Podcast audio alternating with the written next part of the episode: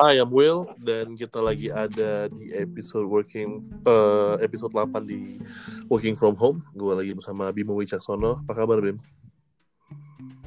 Halo Will, apa kabar? Baik. Gimana kondisi Gue lo? sekarang lagi uh, kalau gue pribadi sih sekarang lagi fine fine aja. Uh, kebetulan gue juga apa karena pandemi covid ini? Mm, mm, uh, gue lakuin self isolation diri. Hmm. Tapi bukan karena gue sakit sih, soalnya memang karena di rumah punya orang tua dan karena gue masih bolak-balik ke hotel, uh, iya. aktif kantor jadi kayak ya udah harus self isolation dan gue ada di salah satu hotel sendiri saat ini. Oh, maksudnya self isolationnya lu jauh di rumah tapi di hotel sendiri gitu. Iya, soalnya kalau gue tinggal di rumah, em, resikonya gue jadi carrier kan. Mungkin tak Oke. apa-apa, tapi untuk orang yang usianya udah lebih tua itu bisa lebih sensitif terhadap si virus ini sendiri. Betul. Bim, kita kan lagi ada di episode uh, ngomongin tentang hospitality industry, apakah survive or shut off gitu. Maksudnya bukan, I think it's a bit harsh lah ya temanya, but the reality is uh, situasi yang sangat-sangat tidak menguntungkan buat uh, hospitality industry dan orang-orang yang memiliki hotel kayak lu ya. Uh, kebetulan lu kan juga manage beberapa tempat gitu. Pasti impact-nya juga sangat luar biasa dong ke bisnisnya. Iya iya, kalau em, pendapat gue ya, kalau sekarang sih di saat situasi seperti ini kayak semua bisnis kecuali bisnis di eh, medical kayaknya lagi kurang bagus ya. Tapi memang Kurang bagus ya. setuju untuk di eh, hospitality business emang lagi cukup parah ya. Karena Mm-mm. selama 14 tahun di bidang ini baru sekali ini sih gue merasakan memang em, ibaratnya kalau dari sisi bisnis nih kondisinya lagi yang paling terburuk yang pernah gue rasain jadi memang Mm-mm. kita mesti benar-benar hati-hati mengenyinya secara bisnis tuh ya mungkin dibagi dua dari sisi juga dari sisi eh, manajemennya juga gitu kurang lebih itu. mm-mm. kan saat ini kan mm, ya eh, ke tadi gue kemarin kemarin ya gue liat LinkedIn orang banyak yang ada dia masuk ke salah satu OTA baru beberapa hari dia masuk join kemudian dia harus eh, resign dari tempat itu atau mungkin dia di lay off gitu ya karena emang secara bisnis juga OTA juga lagi terpengaruh juga ya kalau lu sendiri eh, dari eh, owner atau eh, yang manage eh, beberapa hotel itu resepi lu untuk saat ada di survive survival mode ini apa sih saat ini gitu? How do you survive this Oke. current situation? gue coba share aja ya. Mungkin kalau gue fokusnya ada dua hal sih. Secara eh, finance dan secara strategi bisnis gimana caranya untuk menyikapi eh, hal yang terjadi saat ini gitu. Kalau dari sisi eh, bisnis atau sisi kita menghadapinya secara eh, mungkin campaign dari sisi branding dan lain sebagainya, kita tuh pertama harus dengerin dulu, dengerin dari apa yang di eh, maui oleh customer saat ini gitu loh. Mungkin kalau pengen Mm-mm. iya, tapi nggak boleh terus kayak eh, don't know what to do. Jadi oke, kita di- diem dulu, dengerin dulu. Sebenarnya tuh apa sih yang dimaui customer Mm-mm. untuk saat ini. Terus kita juga be sensitif, jadi kita evaluasi dulu konten-konten yang ada kalimat untuk ngejawab Mm, mm, mm. uh, how we uh, handle our customer juga kita mesti Ya. hati-hati gitu. Terus kita juga be transparent, jadi kita harus Mm, komunikasi itu secara open sama Ya. our uh, customer ya jadi biar mereka juga nggak merasa kayak ada apa sih nih kok kayak yang ditutupi atau gimana mungkin malah akhirnya mm, mm, mm, juga jadi parno gitu jadi kita harus open Iya, iya, iya. open gimana cara kita ngehandle em, misalnya kalau di hotel ya hmm, customer tuh harus tahu gimana sih kita ngetreat eh, gim- agar orang tuh kalau nginep di salah satu hotel kita atau secara global nginep di hotel tuh bisa aman dari si virus ini. At least Nggak, karena memang belum ada coba uh, belum ada obatnya cuman yang lo buat apa sih Bim biar gue tuh make sure kalau gue tuh ke tempat lo nginep tuh aman gitu. Nah itu Hmm, kita masih hmm, transparan. hmm, jadi kita jelasin ya ini yang kita lakuin. Nah itu harus Hmm, hmm, uh, hmm, hmm. message-nya harus jelas. Terus uh, Hmm. secara strategi juga gue harus adapt your strategi. jadi kita atur lagi strateginya em, beradaptasi. Karena ini suatu hal baru kita memang harus pelajari dulu. Gimana kalau kita mau pelajari? Kan agar kita harus a- agar kita bisa paham kan apa yang harus dilakuin jadi Iya, iya, iya. gue harus ada strategi bisnisnya ulang Hmm. udah gitu yang terakhir Kan kalau kalau gue lihat lu ini ya, kalau gue lihat lu juga punya penawaran kayak, maksudnya gue ngerti lu cukup kreatif untuk membaca situasi seperti ini dan gue lihat kemarin lu sempat di Flat 06 lagi ada penawaran khusus isolation weeks gitu, Iya. jadi 14 hari. Itu menarik ya, karena banyak-banyak juga beberapa hotel kayak gue lihat di Bali juga menawarkan yang sama. Mungkin memang harganya jauh lebih murah. Kebetulan mungkin juga karena emang lagi sepi juga. Tapi at least you guys uh, bisa ngebaca situation gitu. Iya, jadi sebenarnya tuh ada dua hal sih dalam situ ya. Oke, yang terakhir tadi em, setelah kita udah adaptasi sama strategi, udah gitu kita bangkit untuk menghadapi the problem. Nah, Hmm, hmm, hmm, hmm. oke, terus salah satu yang kalau untuk di hotel bisnis untuk secara campaign marketingnya ya sama eh, sebagai untuk satu salah satu solusi juga untuk naikin sales kita ya kita bikin um, package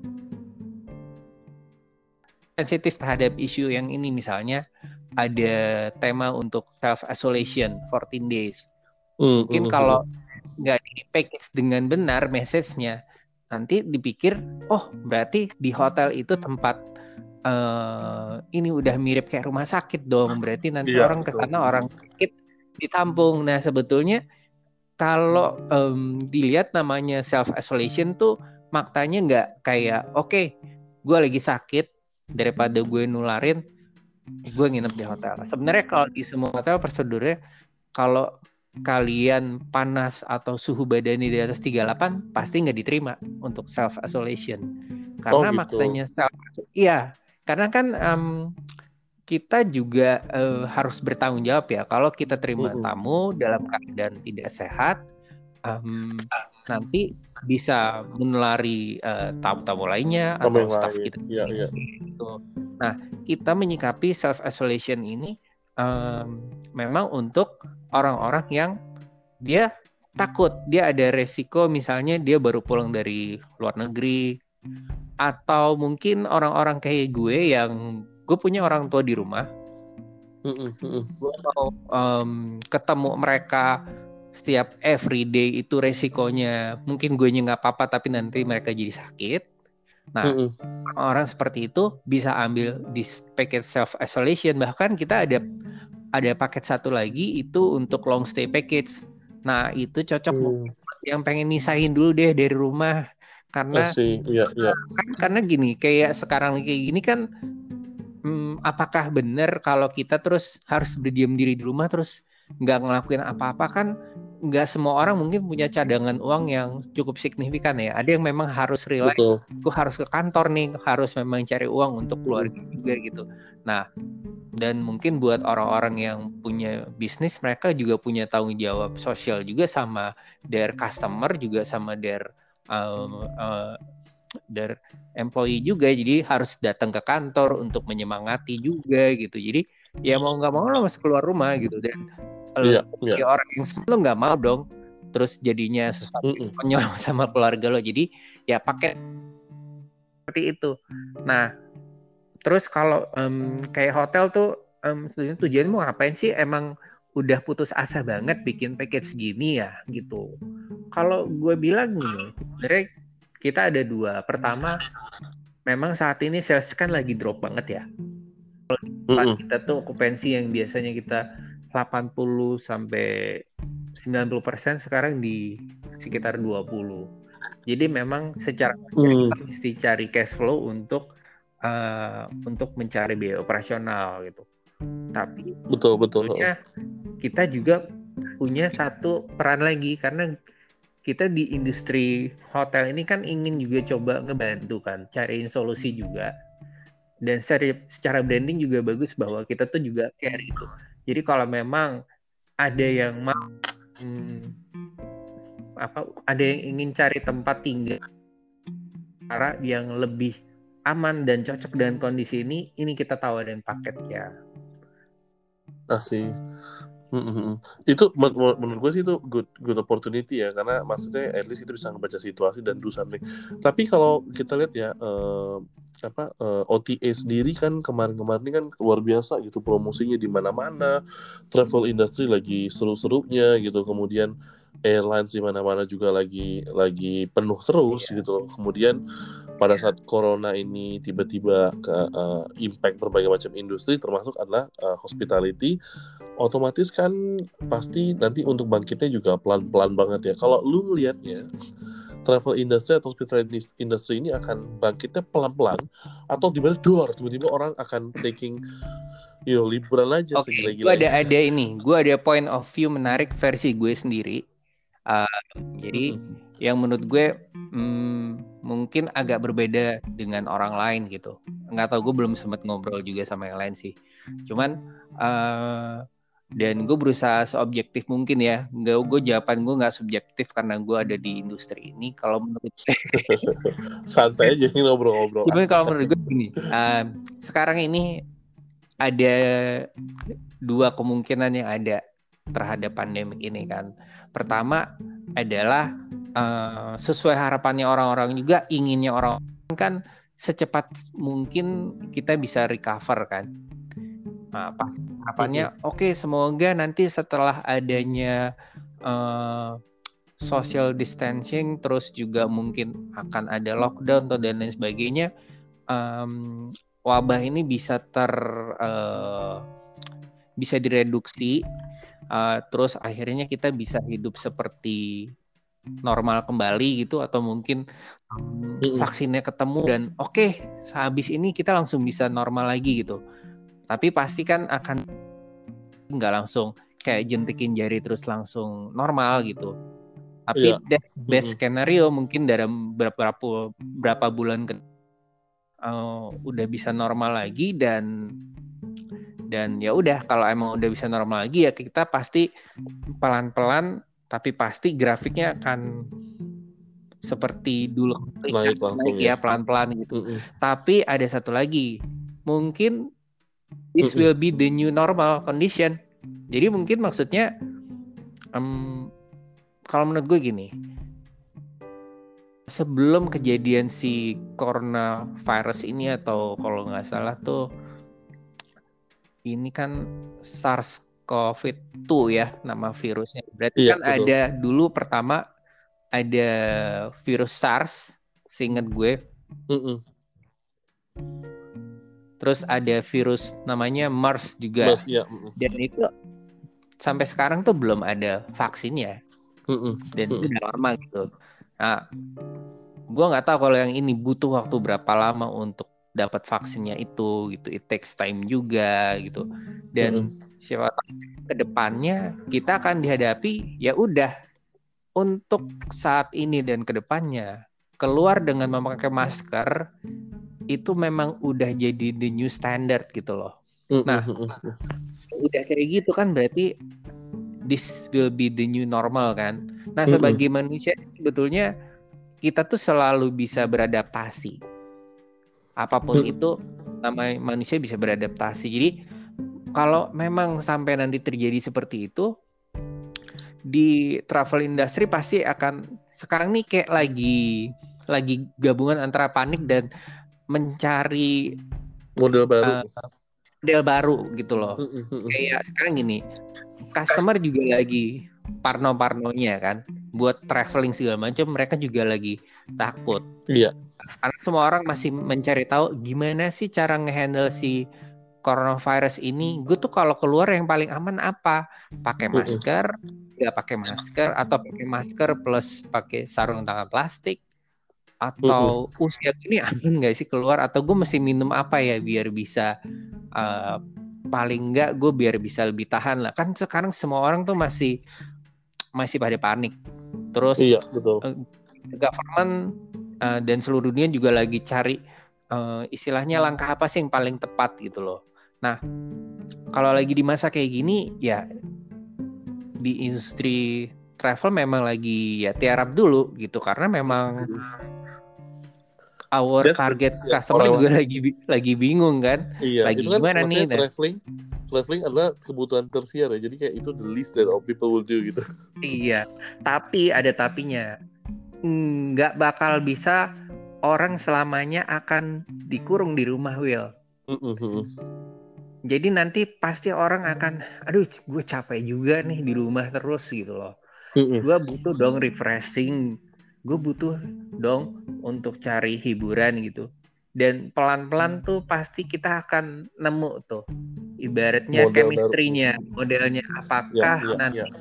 traveling tuh jadi kita memang harus dua dua sisi nih. Dari sisi um, customer atau um, traveler juga mereka udah akan cari cara-cara yang aman buat traveling dan buat perwakilan dari hotel industri sebagai misalnya kayak gue as a hotelier kita juga ngetit ini tuh misalnya dari cara kita nerima tamu, cara kita ngebersih mm -mm. kamar mm -mm. itu udah berubah semua dan udah disesuaikan. Betul SOP-nya semua udah ganti. Iya, dan udah disesuaikan untuk uh, the new standard ini. Jadi ya oke okay, mungkin nanti kalau memang setiap ada tamu datang kayak di tempat gue kan setelah tamu check out tuh semua ruangannya harus di ozon dulu uh, pakai disinfektan hmm. dulu semuanya harus sangat-sangat uh, steril baik yang ngerjain juga. Ya, ya. nah itu semua itu semua nanti yang akan menjadi the new standard. Jadi ya pelan-pelan nanti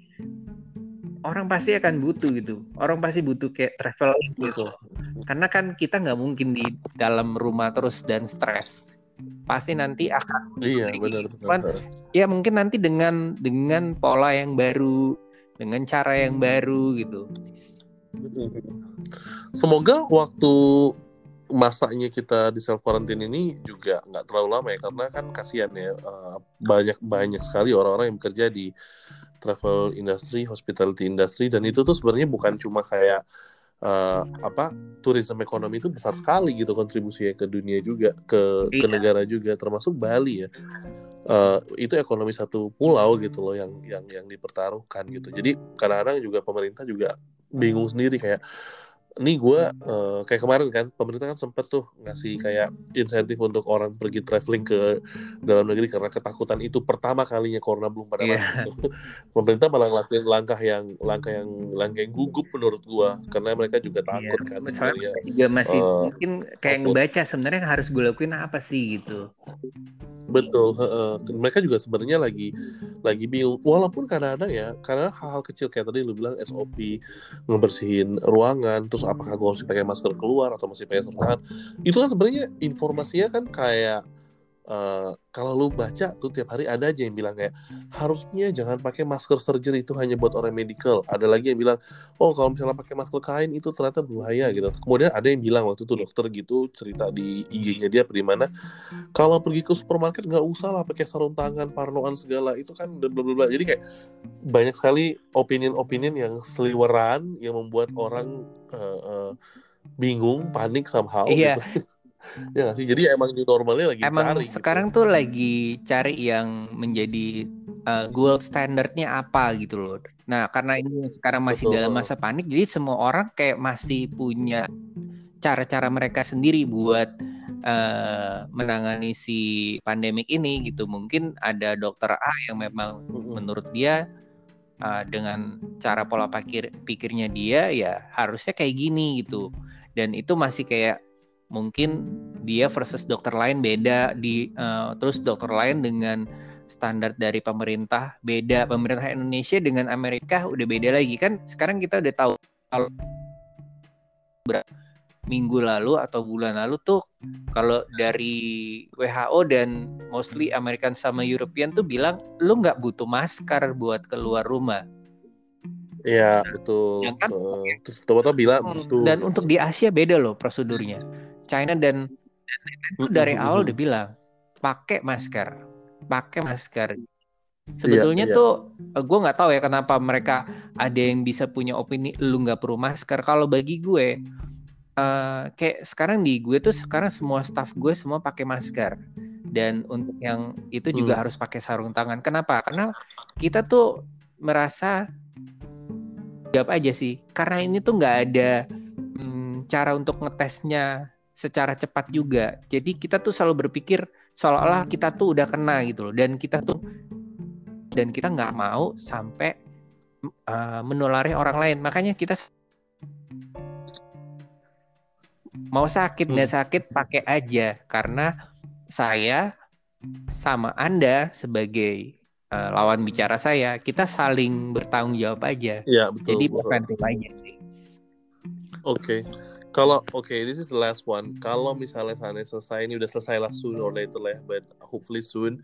uh, kita nih most of us uh, yang list yang mendengarkan ini juga pasti pengen traveling. Dan sebagai traveler, uh, lu punya suggestion apa dan tips apa nih begitu ini selesai? What we should do? What do you think we should do? kalau gue sih kalau tips sekarang sih hmm, kalau yang gue tebak gini sekarang nih semua orang lagi lagi fokus banget eh, gimana caranya survive dari si corona ini kan? Pasti gitu. Pasti nanti kalau udah terbit kepikiran pengen traveling tuh pasti kepalanya karena udah penat aja sih. Udah Hmm. capek udah aduh gue udah udah cukup deh. I had enough nih kayak di dalam kamar atau dalam rumah gue mau keluar gitu.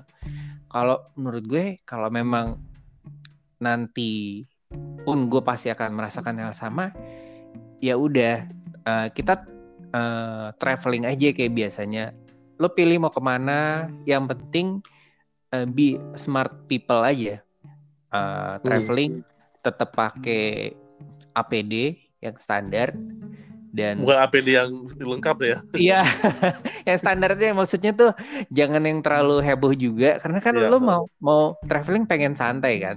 Betul. Ya. uh, Iya jangan heboh lah, santai aja. Yang penting kalau nanti kita memang udah memutuskan untuk traveling tuh pasti kita udah bisa mengontrol gitu, udah tahu caranya. At least palingnya gini, gue udah tahu kalau gue keluar tuh harus pakai masker yang mana. Pasti nanti udah tahu jawabannya. Yang standar tuh yang mana sih? Gitu. At least paling sejelek-jeleknya gue punya ini gitu. Iya. Terus nanti kalau udah ada itu semua ya udah santai aja ya traveling aja toh lo juga udah tahu kan cara-cara Iya. gitu. Cuma lu tau gak siapa yang paling butuh liburan setelah nanti corona selesai? Kayak Menurut lu semua orang. kalau menurut lu siapa? Kayaknya kayaknya menurut gua uh, orang-orang yang bekerja di health industry, di rumah sakit, para dokter, para perawat, mereka butuh liburan banget. Kayaknya saatnya mereka Iya. liburan setelah itu Dan selesai ya kan? dan kayaknya eh, sebagai pelaku eh, bisnis di dunia traveling ya kayaknya gue sih kalau untuk mereka harus bikin special package deh program ya benar-benar benar-benar. cara kita untuk berapa persen? Iya. Dan pemerintah harusnya bikin program liburan buat mereka kasih insentif liburan kayak apa ya nggak sih? Kalau sekarang mungkin belum kepikir kepikiran soalnya banyak tenaga Benar, medis kayaknya yang udah lumayan ada banyak yang meninggal juga sih gitu. Iya, dan sad newsnya sih gitu. Dan mereka Iya. benar-benar orang-orang yang mempertaruhkan nyawanya ya karena gila sih. Gue nggak kebayang sih kalau berada di profesi itu. Luar biasa. Gitu. Jadi mungkin ya sekarang memang saatnya untuk kita jadi eh, jangan terlalu banyak action yang gimana. Banyak kan kita berdiam tapi kita mempelajari dulu deh. Kayak semuanya kayak gitu. Jangan di- biar jangan ada yang kemakan sama hoax juga. Betul. Kurang lebih kayak gitu. Kalau untuk Mm. pelaku bisnis sih sekarang semua lagi ngekat cash flow ya, Betul. Ya, jadi emang ya udah ya. jadi wajar. kayak gitu. Oke. Oke Bim, thank you for the Oke. discussion. Um, talk to you again soon. Oke. Bye bye.